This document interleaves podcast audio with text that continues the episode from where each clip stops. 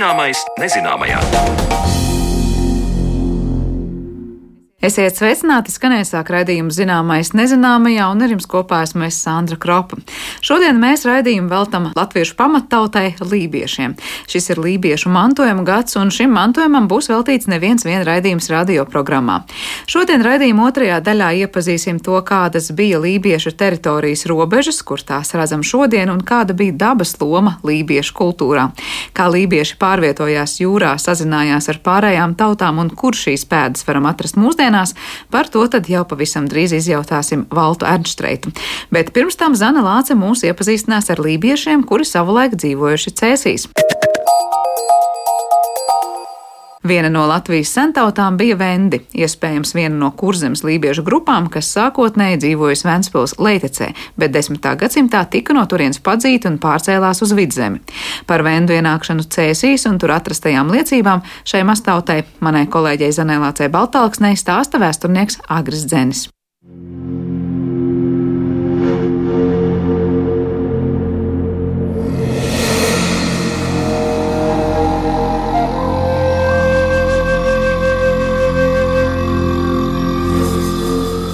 Par vendu izcelsmi un etnisko piedarību ir izteikti atšķirīgi uzskati, uzlūkojot tos par rietumslāviem, zemgaļiem, kuršiem, lībiešiem vai votiem. Izvērtējot arheoloģisko materiālu, ko varētu attiecināt uz vendiem, iespējams secināt, ka vendi ir bijuši tuvi kurzemes lībiešiem. Taču kultūras kopība tiem varēja izveidoties arī ilgstošas kopdzīves laikā. Tā Livonijas Indriča kronikas komentāros raksta vēsturnieks Evalds Mugurēvičs. Kas bija vendi un kur viņi palika, to mēģināsim noskaidrot turpmākajās minūtēs sarunā ar vēsturnieku Agri Dzēni. Vendi ir viena no Latvijas santautām, kas minēta jau samērā agri Livonijas Indriča kronikā 1206. gadā. Un uh, Indričs raksta, priesteris Daniels Kristīja Lielvārdes, Sidgundas, Remīnas aizkrauklis un Turaidas lībieši, Daugavas lībieši un Gaujas lībieši. Un, un pēc speģikošanas un kristīšanas turaidā Daniels kristīja vendus, kuri tolaik bijuši pazemīgi un trūcīgi, kuršu padzīti no Ventas upes un pēc tam no Sanā kalna pie Rīgas. Tātad padzīti gan no Kurzemes, gan no Rīgas apkārtnes. Un, uh, Viņi šajā laikā dzīvoja cēsīs kopā ar letiem, tas ir latgaļiem, un priecājās par priesteru ierašanos. Bet tad vendi, no kurienes viņi ir, viņi nākuši no kurzemes tās saknes ir, vai vēl kaut kur tālāk mums ir jāskatās? Principā šie cēsu vendi visticamāk ir viena no kurzemes lībiešu jeb vendu Nu, nosacīti mēs kurzemes lībiešus varam saukt par vendiem. Es uzskatu, ka tā ir eh, kurzemes eh, lībiešu grupa. Nevis moderno lībiešu, kas izveidojas no pārsvarā no ienācējiem no Sāmsalas Baltijas jūras piekrastē, bet eh, šo autohtono kurzemes lībiešu, kas dzīvoja zemes iekšienē. Vieni no šiem kurzemes iekšzemes lībiešiem, kas 12. gadsimtā nu, nezinām iemeslu pēc ir padzīti no kurzemes, kurš pazinuši vispirms no Ventas baseina. Viņi apmetušies pie Rīgas, bet tad arī Rīgas lībieši kaut kādu iemeslu dēļ viņus padzinuši. Acīm redzot, viņi, viņi nav pratuši iedzīvoties jaunajās vietās, nu, labi satikt ar vietējiem iedzīvotājiem. Nu, nu, viņi pārcēlušies uz ceļiem, nu, tur, tur viņi acīm redzot ir uzņemti labāk un varējuši ierīkot apmetni un, un pili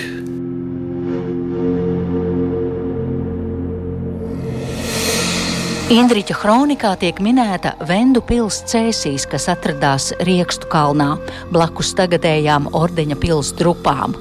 Par Novgorodas kņaza uzbrukumu 1219. gadā Indričs raksta šādi. No savas pilsētas nokāpa arī ordeņa brāļu strēlnieki, atnāca pie vendiem, ar saviem stopiem nogalināja daudz krievus. Kad uzausa rīts, Novgorodas kņasis ieraudzīja tik daudz dišciltīgo ievainotus un citus nogalinātus, viņš saprastams, ka nespēja ieņemt Vendu pili, kaut gan tā bija pati mazākā kastela Līvzemē, ar orteņa brāļiem sāka runāt miermīlīgu valodu. Skaidrojumu par Vendu pili turpina Agris Dzēnis.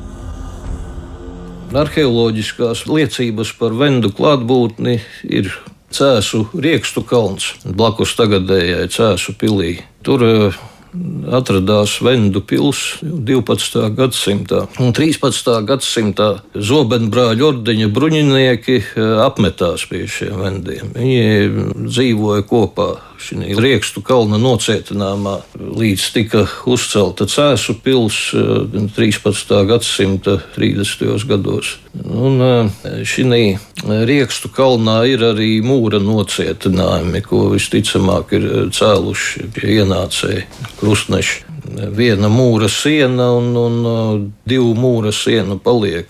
Iesākta būvēt kastela četrstūra formā. Kastela ir 13. gadsimta nocietinājums, no kurām izveidojās pilis vēlāk. Tad pagalms, kas apjost ar četrstūrainu mūru sienu. Nu, acīm redzot, šī kastela riekstu kalnā nav pabeigta, bet uh, sākta celt tagadējā cēsu pilsēta uh, piemērotākā vietā. Nu, šis riekstu kalns samērā maziņš, uh, attiecīgi tur var uzbūvēt maziņu nocietinājumu, bet ar to bija par maz droši vien šiem gan vendiem, gan jaunkristītajiem, gan krustnešiem ienācējiem. Lai aizsargātos nu, sākotnēji pret krievu uzbrukumiem, pret igauņu uzbrukumiem, bija nepieciešams lielāks nocietinājums. Tikai cēsu vendiem raksturīgi priekšmeti, kas saprotu, nav atrasti. Gan eh, Riekstu kalnā, gan Kapulaukā pie Cēsu dzelzceļa stacijas atrastajām sieviešu rotām piemīt īpatnības, kas raksturīgas Ziemeļkurzemes lībiešu sieviešu rotām. Nu, tā, tā raksta arheologi. Plašāki izrakumi Riekstu kalnā tika veikti 1980. gadā arheologa Jāņa Apala vadībā, un atradumi tur tika datēti ar laika posmu no 11. līdz 12. gadsimtam līdz pat 16. gadsimta beigām. Un sevišķi intensīvi pilskalns bija apdzīvots 11. un 12. un 13. gadsimta sākumā, kā arī vēlāk un uz to norāda atrastie garie bronzas mēlīšu veidu piekariņi, dzelzs bruņu plāksnes, arbaleta bultu gali, romveida stikla rūšu fragmenti ar svina ietvariem, dzelzs atslēgas ar slēdzenēm un citi atradumi. Pilskalnā atrastajām rotas lietām, važturiem un piekariņiem ir atrodamas paralēlis ar Idumējas 13. un 14. gadsimta un Igaunijas 11. un 15. gadsimta rotām, kas pieder Somu cilšu kultūras lokam, un tas vēlreiz apstiprina vendu somugrisko izcelsmi. Tā vēsturnieks skaidro arheoloģiskos atradumus saistībā ar vendu uzturēšanos cēsīs. Jau 14. gadsimtā apzīmējums vendi tā laika rakstītos avotos vairs neparādās. Kur viņi asimilējās un kāpēc jaunāku laiku vēsturē šī tauta vairs nav pieminēta, to jautāju Agrim Dzenim. Nu, visticamāk, saplūda ar latgaļiem. Jo Gaujas kreisais krasts, kur atrodas cēsis, tā bija latgaļa teritorija. Nu, nenoliedzami latgaļi bija vairāk kā vendu. Tad šī asimilēšanās bija neizbēgama. Bet arī versija par saplūšanu ar latgaļiem nav simtprocentīgi droša. Kā var lasīt Wikipēdijas vietnē par vendiem, tad Jāņa Enzelīna brālis, literāts Hermans Enzelīns, uzskatīja, ka viduslaiku avotos minētie cēsu līvi ir vendu tiešie pēcteči. Agris Dzenis skaidro, kas viņa prāt ir cēsu līvi. Runājot par eh, cēsu līviem, eh, etniskā piedarība ir neskaidra. Kāpēc eh, viņi šādi dēvēti? Manuprāt, šis nosaukums ir saistīts ar līvu tiesībām. Tad lēņa tiesību paveids, kas pastāvēja Livonijas ordeņa teritorijā, kad zeme tika izlēņota ar, ar noteikumu, ka tiks veikti noteikti maksājumi naudā par šīs zemes valdīšanu. Ne tikai karadienas, ne, ne tikai administratīvais dienas. Un šādi lēņi pēc līvu tiesībām ir zināmi uh, Siguldas apkārtnē, Salaspils apkārtnē. Un iespējams, ka šie cēsu līvi 17. gadsimtā pastāvēja līvu pagasts pie cēsīm, ka tie ir eh, šo lēņa vīru pēcteči, kam eh, lēnis piešķirts pēc eh, līvu tiesībām, bet tas nenozīmē, ka lēņa saņēmējs vai viņa pēcteči arī pēc tautības bija lībieti. Cik ir zināms par šiem cēsu līviem, Arī paši viņi 18. un 19. gadsimtā sevi tā dēvēja Nu, man vismaz nav zināms, ka viņi runātu līvu valodā. Viņi gan runāja, gan rakstīja latviešu. Nu, šie tā sauktie cēsu līvi bija ļoti izglītoti ļaudis. Šodien par vendiem liecina Riekstu kalns cēsīs, minētie arheoloģiskie izrakumi un, protams, Cēsu pilsētas senais nosaukums - Vendene.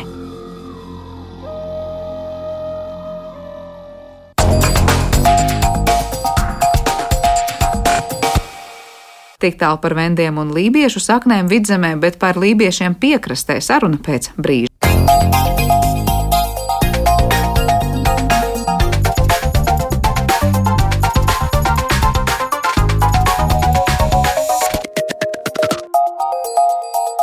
Zināmais nezināmajā.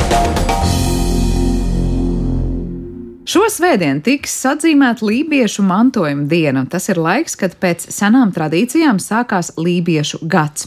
Novērojam dabā dzīvi līdzās stihijām un cilvēku un dabas attiecības ir spilgta lībiešu kultūras sastāvdaļa. Par to arī šodien vairāk mēs runāsim ar mūsu studijas viesi Latvijas Universitātes Lībiešu institūta direktoru Valtu Ernstreit. Labdien! Labdien! Javā pēva vēl varētu pateikt libiski. Jā, nu es domāju, ka ir daži, kas noteikti to saprata un uztvēra pārējie saspicēja ausis, bet tiešām ļoti interesants eh, laiks, kurā mēs tiekamies, ja tā mēs sakam, sākās lībiešu gads. Varbūt sāksim ar to, kas ir lībiešu gads un kas ir tā atskaites sistēma, kādā lībieši dzīvo.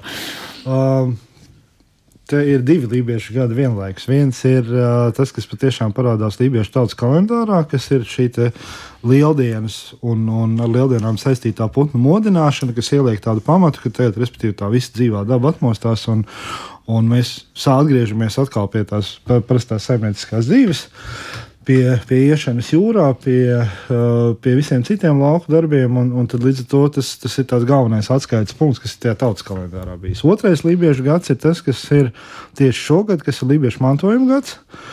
Un, uh, tā iecerē par lībiešu mantojumu gadu, no kuras izrietēja arī doma par uh, lībiešu mantojumu dienu, viņi sākās ar to, ka šis ir tāds būtisks gads lībiešu dzīvē, tieši tajā mūsdienu varbūt, skatījumā. Šogad uh, Lībiešu karogam ir simts gadi, himnai ir simts gadi, un ir daudz pasākumi, kas arī šogad ir plānoti. Un, un plus vēl papildus um, um tādu motivāciju iedeva pagājušajā gadā nemateriālā kultūras mantojuma sarakstā ierakstītā vidzemes lībiskā kultūra tēla, kuras gadījumā mēs runājam vairs ne par to dzīvo lībi, lībisko mantojumu, bet par dzīvo, dzīvajām lībiskajām saknēm, kas tur dzīvo tālāk. Un, no tā arī izauga tā doma, ka parunāt par to, ka lībieši nav tikai kaut kas, kas saistās ar ziemeļkurzemi, jo es domāju, ka daudziem varbūt ir īpaši pēdējos, pēdējos gados ir vairāk tā asociācija ar lībiešu krastu, kokusrāgu, mazirbi. Bet šīs lībiešu pēdas, lībiešu saknes ir faktiski visā Latvijā, un ir īpaši tajās vietās, kur lībieši dzīvo. Tas ir Gaujas, Gaujas lietets, Daugavas lietets, Limbaža apkārtnes, vecās Mecepols teritorijas un arī Ziemeļkurzeme, un, un ka tas ir ne tikai tur, kur lībieši dzīvojuši vēl pavisam nesen, Bet uh, šīs līnijas saknes ir daudzās citās vietās. Tā kā patiesībā visa Latvija, nu, ne gluži varbūt, bet liela daļa vēl Latvijas teritorijas ir tāda, kur būtu jāapzina un jāpieņem savā galvā, kā līdzīgi kā mēs šobrīd tiešām par mazirbi kolku domājam. Nu, tad tur tas lībiešu. Un jāpamana, un jāpamana jo, jo ir daudzas lietas, kas ir, nu, nevelti ir tas tā, faktiski jau tas lībiešu mantojums ir visā Latvijā. Kā tādā, sākot jau ar, ar, ar latviešu valodu kurā ir ļoti daudz lietas, kas ir ienākušas no lībiešu valodas aizgājuma, uzsvers uz pirmās zilpas, tā tālāk. Tā tālāk. Un tas ir tas, kas attiecās uz pilnīgi visu Latviju. Un šajās te lībiešu apdzīvotajās teritorijās tur vienkārši tas ir vēl papildu. Varbūt tas, kas mums ir ikdienā apkārt, kam mēs nepievēršam uzmanību. Sākot ar to, ka, ka tie pilskalni, kas atrodas varbūt 200 metru attālumā vai 5 km attālumā, ka tie nav vienkārši kaut kādi pilskalni, bet tie ir lībiešu pilskalni, reāla vieta, kur lībieši dzīvojuši, tā kā Rīgā.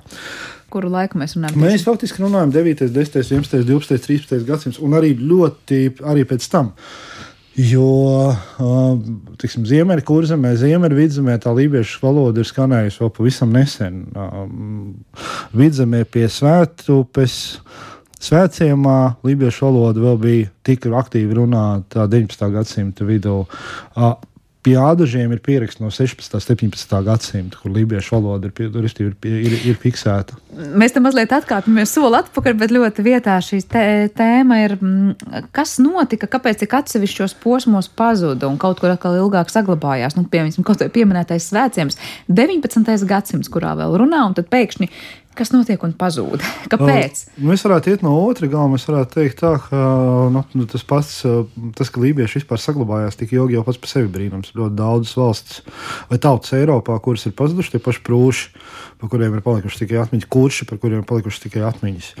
Un, attiecīgi, kaut kāds mantojums valodā, bet lībiešiem paveicās saglabāties cauri laikam, neraugoties uz to, ka tās lībiešu vēsturiskās teritorijas bija tādā nu, daudziem ļoti interesantas. Tieši šī teiksim, Daugavas apgājuma, kas bija lielākais viduslaiku ūdens ceļš un tirniecības ceļš, kas bija viena no, no galvenajām teritorijām. Un, uh, faktiski šie lībieši jau paši nepazuda. Tas, kas notika, bija šī saplūšana ar apkārt esošajiem. Un ir faktiski jaunas valodas, tas ir tā, tā valoda, ko mēs šobrīd zinām, kā latviešu valoda, jaunas tādas nu, kultūras konsolidācija, liekot pamatu latviešiem. Kā principā katrs latviečs savā ziņā to, to lībiešu kodu iekšā nes. Tas, ka lībieši tik ilgi saglabājās, um, tam ir saikne no vienas puses ar perifērajām vietām, kur lībieši bija, jo gan ja mēs paskatāmies pāris gadsimtus atpakaļ, tad gan tas svētciems, gan lībiešu krasts, un īpaši lībiešu krasts, bija ļoti izolēti no un, un, un tāda nenozīmīga perifēra vieta, izolēta no apkārtējās pasaules, kas savā ziņā iekonservē līdzīgi, kā tas ir, tiksim, notiek ar, ar pirmiedzīvotāju tautām, tos pašos Amazonas džungļos vai, vai, vai Austrālijas tūkstnesī. Tad vienkārši tev, dēļ tā, ka tev nav kontakta ar apkārtējo, vai viņi ir ierobežoti, tad notiek šī saglabāšanās. Par to ierobežošanu es domāju, nu labi, piesaucām Austrāliju, kas tiešām ir uzreiz nu, tīri geogrāfiski dabas ziņā, es domāju, iespēja norobežoties. Latvijā, kāpēc tāda per, iespēja būt norobežoties? Tā ir viena no lietām, kas varbūt daudziem paslīd garām, jo šobrīd, ja mēs paskatāmies uz to pašu Lībiešu krastu, Kā... Es atvainojos, ne mēs runājam par to kolka maziru. Jā, kolka maziru tas mhm. gals, kas ir ziemeļa ziemeļ kurzem, kur arī lībiešu valoda faktiski visilgāk saglabājās un lībieši paši. Un, kas ir tā mūsdienu lībiešu kopiena tieši ziemeļkurzem. Um, tad uh, parastajā kartē, kad mēs skatāmies ceļu kartē, viss izskatās ļoti labi. Ja? Izskatās, ka tā ir tāda vieta, kur var mierīgi elementāri iekāpt mašīnā aizbraukt. Ja mēs paskatāmies uh, tajā pašā lidorā vai, uh, vai satelīta kartēs, mēs redzam, ka faktiski tā ir sala. Geogrāfiski tā ir sala, kas ir izveidojusies ļoti īpatnējā geoloģiskā procesā.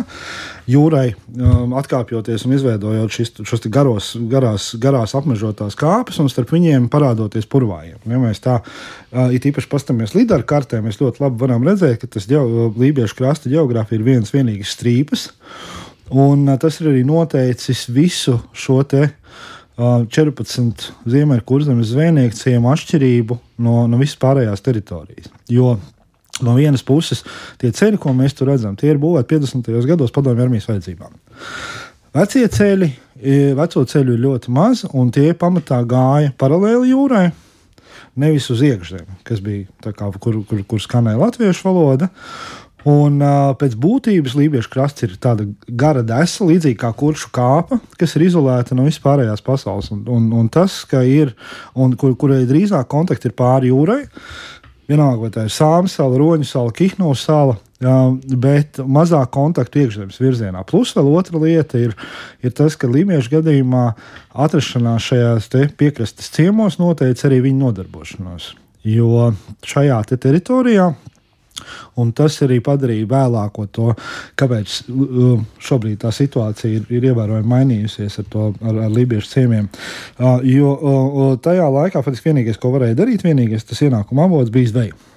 Lauksaimniecība kā tāda Nu, Latvijas krastā laikam nav iespējams. Un uh, smilšu smilš augsne, tas ir kāpes. Ja mēs paskatāmies līderi kartē, ļoti labi var redzēt, kā ciemi ir veidojušies. Un arī tas ir tas, ko mūsdienās ir grūti saskatīt, jo tur ir daudz krūmu ir virsū, ir, ir, ir, ir meži pārklājuši senos laukus. Un, bet, kad līderi kartē skatās, tad ļoti labi var redzēt, ka visi tie ciemi uh, ir radušies tā, ka sākumā ir bijušas šīs vējpūtas, kas ir izlīdzinājušas kāpes Un tad cilvēku daudzu gadsimtu darba rezultātā ir iekopti kaut kādi minimāli lauki, ir, ir savaidotas irigācijas sistēmas, un principā visas tās ciemu vietas ir mākslīgi cilvēku izveidotas. Un uh, tas, kas notika. Uh, 50. gados tur izlaidīšu pāris lietas, bet, ja mēs runājam tieši par dabu, tad tas, kas notika 50. gados, tika ieviests šī pierobežu zonas režīms. Tas tika ieviests visā Padomju Savienības rietumu pierobežā.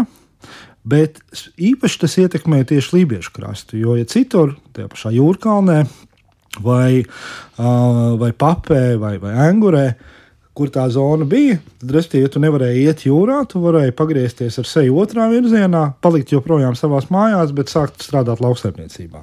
Bet tā ir tāpat pietiekoši piekrasta, mēs runājam, ja tā atrašanās. Jā, bet vieta. lībiešu gadījumā bija, bija tā situācija tieši tāda, ka, ja tu nevarēji iet jūrā, tad neko citu tu darīt vairs nevarēja.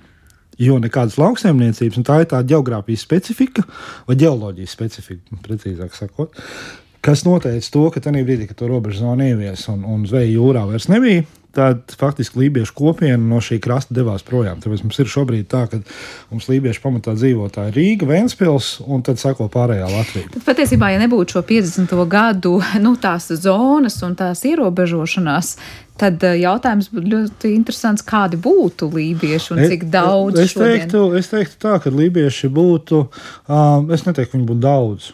Tad, jo, jo arī 19. gadsimta vidus, tīri skaitliski, 19. gadsimta vidus tie ir 2,5 tūkstoši cilvēku. Tas ir nu, viens Rīgas kvartāls.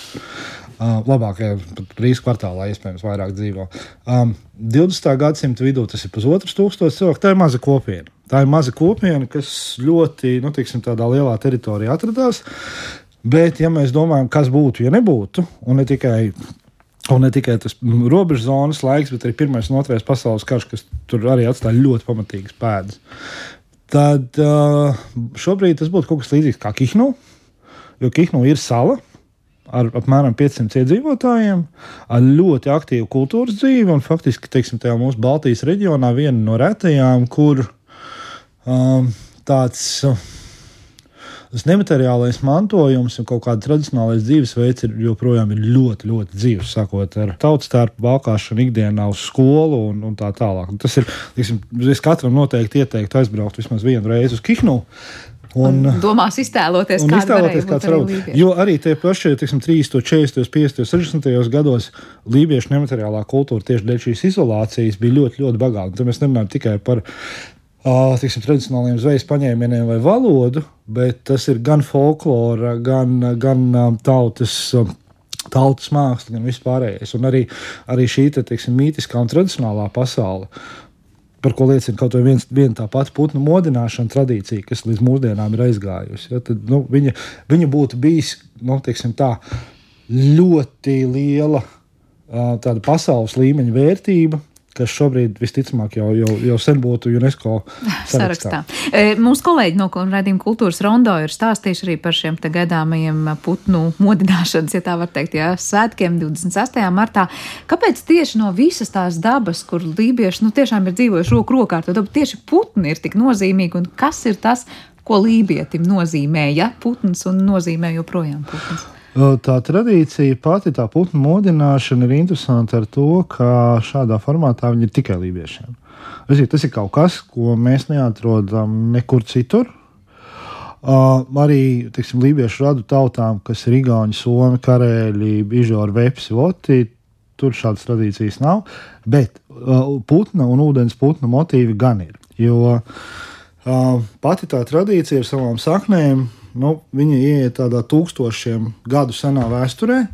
Jo tas ir tāds kopējais mīts, kas ir Baltijas jūras somu tautām par to, ka par šo pasaules izcelšanos no ūdens putnu olas.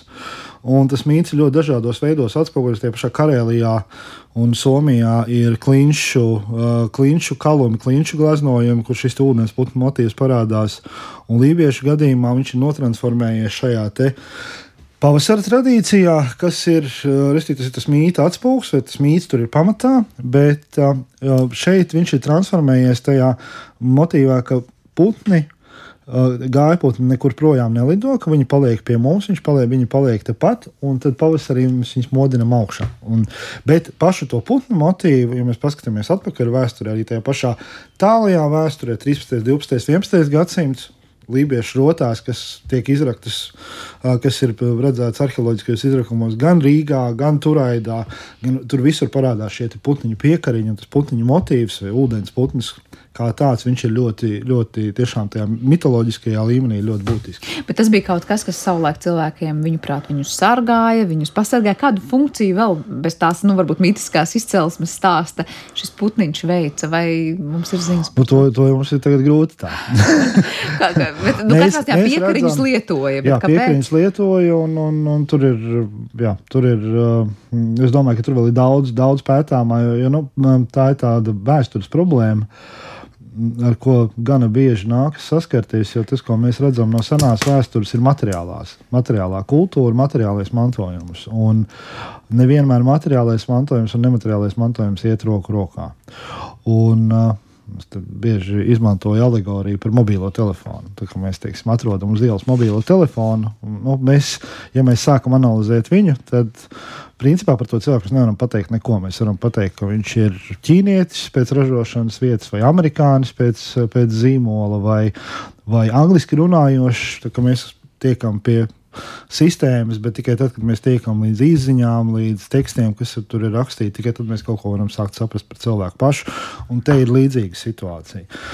Uh, arī tajā, uh, šajās lietās, bet Lībiešu gadījumā mēs tieši, tiešām varam nu, izsekot daļēji, bet ierobežotā apmērā. Mums ir, nu, mums ir maz informācijas par lībiešiem, mums ir salīdzinoši daudz ir tas 13. gadsimts, kad, uh, kad, uh, kad ir Livonijas Indriča kronika. Šis ir stāsts par lībiešiem un viņu kaimiņiem, kas ir visā tajā centrā. Mums ir atsevišķi dokumenti, kas nāk pēc tam, un tālāk mēs sekojam vairāk pēc pēdām. Un tā dokumentētā lībiešu vēsture nu, no 19. gadsimta. Faktiski mēs varam runāt, ka tad jau mēs saprotam, kur lībieši ir, kādi viņi ir, cik daudz un, un, un, un kas ar to visu notiek. Un tā ir, tā ir vispār tāda kopēja Latvijas problēma. Lai gan lībiešu valoda pirmo reizi ir pierakstīta tieši Livonijas Indriča kronikā. Tieši pus, pussekundi pirms Igaunijas valodas. kā, kā jo tur ir tāds dialogs starp lībiešiem un sāmsāles igauņiem, kur lībieši viņiem saka, magā, magā, mēs gul, gulēdams, un sāmsāles igauņi atbild savā valodā, magatak.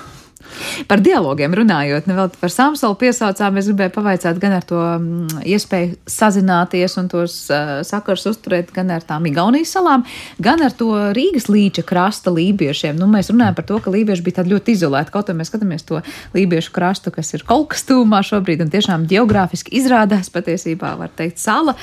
Kas notika ar tiem, kas dzīvo tur, nezinu, Gaujas, Daugavas ietecis, Svētciems, tas pats pieminētais? Viņi bija kaut kādās tur saziņās visu laiku savstarpējās? Uh, nu, respektīvi, ir tā, ka nu, viena tāda interesanta lieta, kas saistās tieši Rīgas jūras līci, kas ir tāda līvieša iekšējā jūra. Un, ja mēs paskatāmies, man pie jau sanāca uztaisīt vienu, vienu pētījumu par debespušu debespušu nosaukumiem ap Rīgas jūras līci. Un tie savukārt parādīja to, ka faktiski ap visu Rīgas jūras līci, neatkarīgi no tā, kādā valodā runā, vai tā ir latviešu valodas, lībiskie, lībiskie dialekti, vai tās ir lībiešu valodas, abas, abi, abi lībiešu valodas dialekti, kurzems un salats, vai tie ir igauņu valodas izloksnes, visā, visā, gandrīz visas izmanto šo lībiešu debespušu nosaukumus. Pilno pilno sauli, respektīvi pilno vēja rozi, kas man bija pašam tāds interesants atradums, jo tur ir ļoti vienkārši noteikt to piedarību lībiešiem, jo lībiešu tā vēja roze pret citiem Baltijas somiem ir pagriezta citā virzienā. Restīvi, viņi tā kā norutēti pa, pa 45 grādiem, un līdz ar to tās, tās pozīcijas ļoti labi parāda tieši to piedarību libiskajai kultūra telpai. Un līdz ar to teiksim, tās libiešu iekšējās jūras ietvaros kontakti bija, bija ļoti pamatīgi un, un arī ļoti neseni. Ja, mums varbūt nu, ir, kā, ir kaut kā tā sajūta, ka lībieši tur 13. gadsimtā bija, un tad nākamā bija Hop 19. gadsimts. Un neviena gandrīz vairs nav. Un neviena gandrīz vairs nav, bet uh, tas nu, tik ātri nenotika, un es domāju, ka tā lībiešu valoda vēl nesen skanēja pavisam tuvu. Un, un arī šie paši zveji, tas, ko lieto reālie zvejnieki, ja, pēdējais, kas bija, ko, ko man atsūtīja tieši to pašu lībiešu vēju ozi no kauguriem, no jūrmālas. Tā kā, nu, principā. Tad tā patiesībā komunikācija un sasaistes ar cilvēkiem notika diezgan aktīva. Kaut vai pa Rīgas līci, ko mēs tagad skatītos. Jo jūra, ja? jūra un ūdeņi savu laiku jau bija arī tie galvenie, galvenie ceļi, pa kuriem braukāja. Un tas pats, teiksim, piemērs ar, ar Roņu salu. Uh, Roņsalieši mm, bija cieši kontakti Lībiešu krastu. Principā Roņu salā dzīvoja Zviedri un, un, un lai nededzinātu savus, savu mežu.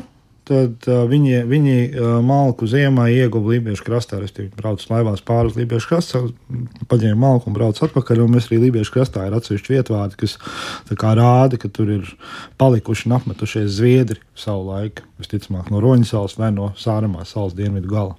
Jā, patiesībā jau tur tik tuvu tās teritorijas, ja tā paskatās. Jo, ja mēs paskatāmies, teiksim, pārbraukt pāri 27 km pa jūru uz Sārumā bez kādiem šķēršļiem, vai pamēģināt iziet cauri 20 km līdz Dundegai pāri purviem, kāpām un, un, un, un visiem šiem geogrāfiskiem šķēršļiem, kas tur ir. Es teiktu, ka sārumā ir divas, trīs reizes ātrāk. Vieglāks galamērķis. Jā, man liekas, tā ir tāda ļoti laba lieta, ko paturēt prātā, ka tas ceļš, kaut vai kas šobrīd ir skatāms, mums ir sajūta, ka tur taču vienmēr ir bijis pieejams, bet patiesībā tas ir parādījies tur salīdzinoši nesen. Jā. Viens piemērs par to, kā vispār mainās arī šī laika apziņa un, un, un sajūta. Mēs pat nerunājam par ļoti seniem laikiem. Tas pats mazbānītis. No Vēncpils līdz Masirpē tas ir 40 km. Tur viņi 16. gadā, 16. gadā uzbūvēja, un tad viņa braukšanas ātrums faktiski no, no Vēncpils līdz Mazirbiešos 40 km bija 7 stundas. Jā, šobrīd iedomājieties, kur mēs varam aizbraukt par septiņām stundām. Liekas, nu, Jā, ļoti, ļoti tālu. Un atpakaļ. Bet cik ļoti izolēti geogrāfiski bija, piemēram, tie, kas dzīvoja Lībiešu, nu, tad Rīgas jūras līča krastā, piemēram, tur mēs arī varam teikt, ka mēs pat šobrīd neapzināmies, ka tur arī ir, nu, nezinu, salas vai kā mēs to nosaucam. Nē, nu, šo ir, nu, no, no vienas puses tam ļoti grūti izsekot, jo mēs redzam tikai, teiksim, to, tas, kas ir pierakstītā vēsturē, diemžēl, ir īpaši, kas attiecas tieši par nemateriālām mantojuma šādām lietām. Jo materiālais mantojums bieži vien ir tāds, to, to līniju smuki novilkt nevar.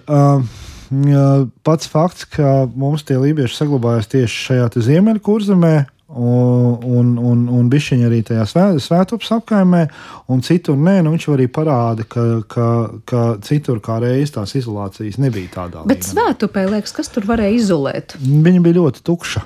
Respektīvi, tajos, tā, tā kā, tajā viduslaiku apdzīvotības centru, kad mēs skatāmies, no, no kur cilvēki dzīvoja tajā laikā, tad uh, viss šis metropoles gals ir pilnīgi perifērija nevienam neinteresējoša perifērija. Tieši tāpat kā Lībiešu krasts, jau nu, tiksim, ir arī mūsdienās, kur ir tuvākais veikals 24 km. Un tur bija ļoti līdzīgi. Un, un, un, un, un tā, te, un, un plus vēl cilvēki arī mazāk pārvietojās. Daudz, daudz, daudz ko pasaules bildē vispār maina arī tas, ka cilvēki tiešām sāk pārcelties uz pilsētām, pārcelties uz lielākām apdzīvotām vietām. Un, un, tas jau kādus pēdējos simtus gadus tas process iet. Uh, Un kas ir arī iemesls, kāpēc mums paliek mazāk izlokšņu, kāpēc mazāk paliek teiksim, tādu vietējo kultūras saudabību, jo, jo mums ir brīvība dzīvot, kur mēs gribam, un, un darboties, kur mēs gribam. Tas ir arī tas no nākotnes viedokļa, ko lībieši ļoti labi parāda, ka ja šajos apstākļos uh, ir vēlme saglabāt savu identitāti, savu piedarību, savu valodu, tad tas vairs nav pašsaprotami. Tas nav tā, ka es izēju ārā, man kaimiņi apkārt visi runā, un veikalā visi runā, un viss ir kārtībā. Man ir papildus jāiegūst. Tas, tas, tas pats, kas notiek. Jā. jā, man ir apzināti ir jāveic kaut kāda darbība, tā kā latviešiem diasporā. Man ir jāizsūta tas bērns uz to svētdienas skolu, lai viņam būtu tā latviešu valodas vide, kur viņš to valodu uztur. Atgriežoties pie tās dabas un lībiešu savstarpējās miedarbības, es iedomājos, mēs te runājam par putniem, bet arī, protams, pieminētā jūra. Liekas, vai ar īpaši jūras vēja, es nezinu, ūdens stihiju mēs varam teikt tā, nu, nezinu, pasaules uztvere, tā kultūras telpa lībiešiem bija piepildīta. Mm, es teiktu, jā, nu, restīvi, tas, tas ir tas, kur mēs dzīvojam, ļoti lielā mērā definē, kā, kādi mēs esam, kas mums ir svarīgs nav. Un arī, ja paskatās uz to pašu lībiešu mitoloģiju, tad arī šie putni, putni, jūras tuvums un, un arī uh, lielā mērā tas, tas ir tie, tie ūdeņi un smilts un vispārējais tas ir ietekmējis to, kā tas ir. Tas pats attiecās arī, ja paskatās uz to, kas tad ir tas, tiksim, galvenais tajā lībiešu mitoloģiskajā priekšstatā par pasauli. Ja, tur ir nu, lībiešiem vispār ir tas, ka ir ļoti daudz šie mātes un tēvi galīgi es neizslēdzu, ka tas ir arī tas, kas ienācis Latvie, latviešu, latviešu mitoloģijā no turienes. Tad faktiski katrai lietai ir vienalga, vai tas ir vējš, vai, vai tas ir ezers, vai, vai mežs. Jā, tad vienmēr tur būs vai nu māte vai tēvs, kas par to ir atbildīgs. Bet tajā lībiešu um, uzskatā vissvarīgākais no visiem šiem mātēm un tēviem ir jūras māte. Jūras māte ir tā, kas parādās visu laiku, jo tā ir tā, kas atbild par zvejas veiksmi. Tā ir principā, kas ir atbildīga par visu lībiešu dzīvi kopumā. Jā. Tas vairs nav par vienu kaut ko atsevišķu, jā, bet kas tiešām um, atbild par visu. Un, un, un to jūras mātes kā tēlu, tas ir redzams viss vis gan lībiešu mitoloģijai, folklorai, visam tā jūras māte ir tā draudīgā, vai tā savukārt rūpi turošā, mīļā? Kāda ir tā ar jūras Visādi māte? var būt. Jā, jo nu, neviena lieta, manuprāt, nav, nav laba un, un, un, un, un, un slikta tikai. Jā, tas ir vienmēr, ja viņi sadusmojās, tad viņi nebūs baigi forši. Ja, nu, parasti tie, kas brauc Zvejniekam. jūrā, bieži arī saka, nu, ka jūra patiesībā ir ļoti skarba un, un draudīga vide, un viss tā romantika un skaistums nāk tikai pēc tam. Es domāju, kā, vai tas ir nosakaņojis arī lībiešu tas ir, tā, tā, tā ir sadarbība. Tā ir sadarbība, tas ir kaut vai arī, nu, teiksim, tas pavasarī ejot pie jūra, nu, teiksim, uz jūru, ir parasti arī tika ņemts līdzi kaut kāds ziedojums jūras mātē, vai nu zieds, vai, vai, vai, vai, vai kaut kāds zariņš, vai alkohols, vai bija roka. um, bet nu, tas arī ir tas tā sadarbība, ka vienkārši mēs tev esi, esi draudzīgi un, un, un viss būs labi. Un, uh, un kaut kā tā, bet uh, runājot par, par to, kā vieta definē, varbūt viens tās labs piemērs tiešām no lībiešu dzīves, jo tas lībiešu krasts. Nu, pēdējie 300, 400, 500 gadi pilnīgi noteikti tur ir, ir, ir pavadīti tajā smilšainajā jūrmalā. Un savu laiku Jānis Frins, Lībiešu pirmais dzinieks, pārcēlās uz dzīvu Ventspilī. Un uh, Vēnspīlī tobrīd bija uh, izcirsti meži pie jūras, un bija šīs te, mm, klejojošās kāpnes. Nu, līdzīgi kā tagad var redzēt tieši pie pašas jūras, tas stāvlaukums, kur kāpnes, kas gāžās virsū. Tad faktiski viss šis Vēnspils ostgals, kas atrodas ap, ap jūras vārtiem, tā bija kāpu zona. Tas, ko izdarīja Jānis Prins, viņš uzbūvēja savu māju un ar savām zināšanām, ko viņš bija iegūmis Lībiešu krastā, viņš paņēma un apstādināja tās kāpnes. Līdz ar to viss tas ostgals izveidojās pateicoties šeit viņa prasmei tikt ar to galā, kas nu, sakņojās tajā viņa, viņa lībiskajā pieredzē. Tad zināšanās, kā ar to dabu sadzīvot un Jā. kā iedarboties. Bet es iedomājos, labi, tas smilšainais krasts, kas ir eh, Ziemeļkurzemē, viena tāda dabas ainava. Savukārt, eh, atkal tas pats piesauktais noslēgtais savulaiks svētceļš, kur ir vairāk upe, vai tas arī ietekmē, ka tur citādāk lībieši, piemēram, nu, runāja par tām mātēm un tēviem, vai tur arī jūra bija tikpat spēcīga? Tur, mēs atkal, nu, tur atkal ir tā, tā problēma, ka mums ir ļoti maz, nu, tīpaši no saladas gadījumā ir vairāk valoda pierakstīta un, un, un īstās mitoloģijas nav. Ja mums, protams, lībiešu mitoloģija, tā zināšanas par lībiešu mitoloģiju lielā mērā sakņojas tieši kurzemē. Jo kurzemē ir ļoti bagāts materiāls. Cita lieta, ka ļoti maz kas pie viņa tiek klāts, jo viņš ir lībisks.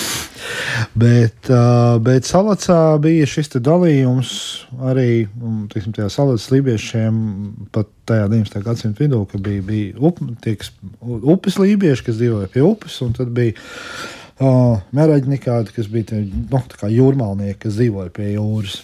Un tā kā viņiem tur nu, līdz ar to tas arī lielā mērā Var teikt, bija tā kā tas divas kopienas vienā. Jā, jā. jā.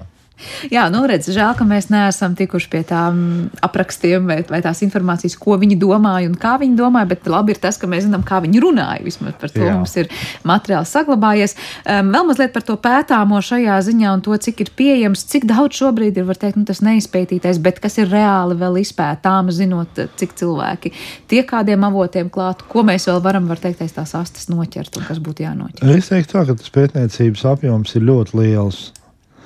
Un uh, ir varbūt trīs virzieni, uh, trīs virzieni kuros, nu, tā, kuros mēs strādājam Lībiešu institūtā. Viens virziens ir, ir ko es varētu saukt par tādu lībiešu mūsdienu mantojumu, kas mēs runājam par pēdējiem 200, gad, 200 gadiem. Tas ir tā dokumentētais laiks. Tas ir lībieši kā, kā apzināta kopiena. Un ir ļoti daudz avotu, kuriem vienkārši, kur, kā jūs teicat, viņiem netiek klāt, jo viņi ir lībi, lībiski sarakstīti, vai viņi atrodas ārpus Latvijas un, un, un, un dažādu citu iemeslu dēļ. Un, un tāpēc mums teiksim, ir lībiešu pētniecība lielā mērā balstījusies uz valodas pētniecību tieši ar atsevišķiem tādiem izrāvieniem šur un tur, bet uh, tas materiāls faktiski tur ir gandrīz, nu, es ne, nevaru teikt, ka tukšs lauks, bet tur ir ļoti, ļoti reti apdzīvots lauks, un tur ir ļoti daudz ko darīt. Otra lieta, un otra tā būtiskā tēma, kas ir, uh, es teiktu, ļoti nepētīta, ir lībiešu pēdas Latvijā. Un atkal te ir tā, ka valodas ziņā ir, nu, tiksim, ir apzināti aizguvumi, ir apzināti tāds virsējais slānis. Vietvārdi, ko mēs te bieži dzirdam, jau daudz kas cits. Tu, tas, kas ir tiksim, viegli, pam, vieglāk pamanāms, bet tur ir ļoti daudzas, arī īpaši, kas attiecās uz kultūras lietām. Un te atkal ir tā problēma, ka mēs īsti nevaram līdz galam izzināt Latvijas folkloras mitoloģijas saknes, ja mēs nepaskatāmies kas varētu būt nācis no, no, arī no lībiešiem. Un, un ir nu, teiksim, arī mums institūtā strādājot, nu, redz, šeit ir viena tēma, kas ir interesantā veidā latviešiem un igauniem kopīga, bet nav kopīga ar lietuviešiem. Un visticamāk, tas ir kaut kas, kas norāda, ka tas varētu nākt no lībiešiem. Un tādu tēmu ir ārkārtīgi daudz, un tas faktiski arī ir tāds, ka nu, tieši tas pats tukšais lielais lauks. Un tad pēdējā lieta, kas ir pavisam citādi nekā abas iepriekšējās, kas nav mantojuma lieta, kas drīzāk ir tas, ko mēs varam caur lībiešiem iedot daudzām citām mazajām kopienām, ir šī lībiešu pieredze, izdzīvošanas pieredze, jo ne tikai tā izolētība ir bijusi būtiska, lai lībieši saglabātos, bet arī šī lībiešu pašapziņa un spēja izne, iznest sevi cauri laikam. Jo, nu, ja mēs paskatāmies, mums ir tas pats uh, 20. gadsimta vidus, un mums ir tūkstoši cilvēku, un šobrīd mums joprojām lībieši ir simts gadus vēlāk, neraugoties uz visiem padomu laikiem un, un, un kariem un tā tālāk. Nu, tas nav tikai jautājums par to, ka viņi visi dzīvo vienā ciemā. Jā, te tiešām ir ieskicēts vairākas lietas, kuras ļoti gribētos, lai pētnieki ķers klāt un atklāj un papēta sīkāk, un pēc tam rezultātiem pastāst arī mums visiem plašāk. Bet tiešām, ko pieminējāt, viens ir tas interesanti dzirdēt, redzēt un saklausīt kaut ko, ko mēs teiktu, ah, lūk, tur neiedomājos tajā vietā ir kaut kas no lībiešiem, arī tas, ko jūs teicāt, mēs patiesībā ik uz soļa lietojam daudz ko, vai, vai, vai, vai, vai savā arī kultūrā pielietojam no lībiešiem, bet tiešām ir lietas, ko mācīties. Es domāju, arī tajā, kā mēs runājam, ka latvieši kļūst ar vien mazāk, un to izdzīvošanas spēju, laikam, mēs varētu arī mācīties no lībiešiem. Paldies par šo sarunu. Es atgādināšu, ka Latvijas Universitātes Lībiešu institūta direktors Valts Arnštreits bija šodien pie mums raidījuma zināmais nezināmajā studijā. Ar to arī raidījums ir izskanējis, un paldies par to producentē Paulai Gulbinskai, mūzikas redaktoram Girtam Bišam. Ar jums kopā biju es Sandra Kropa, un mēs tiekamies jau atkal rīt vislabu.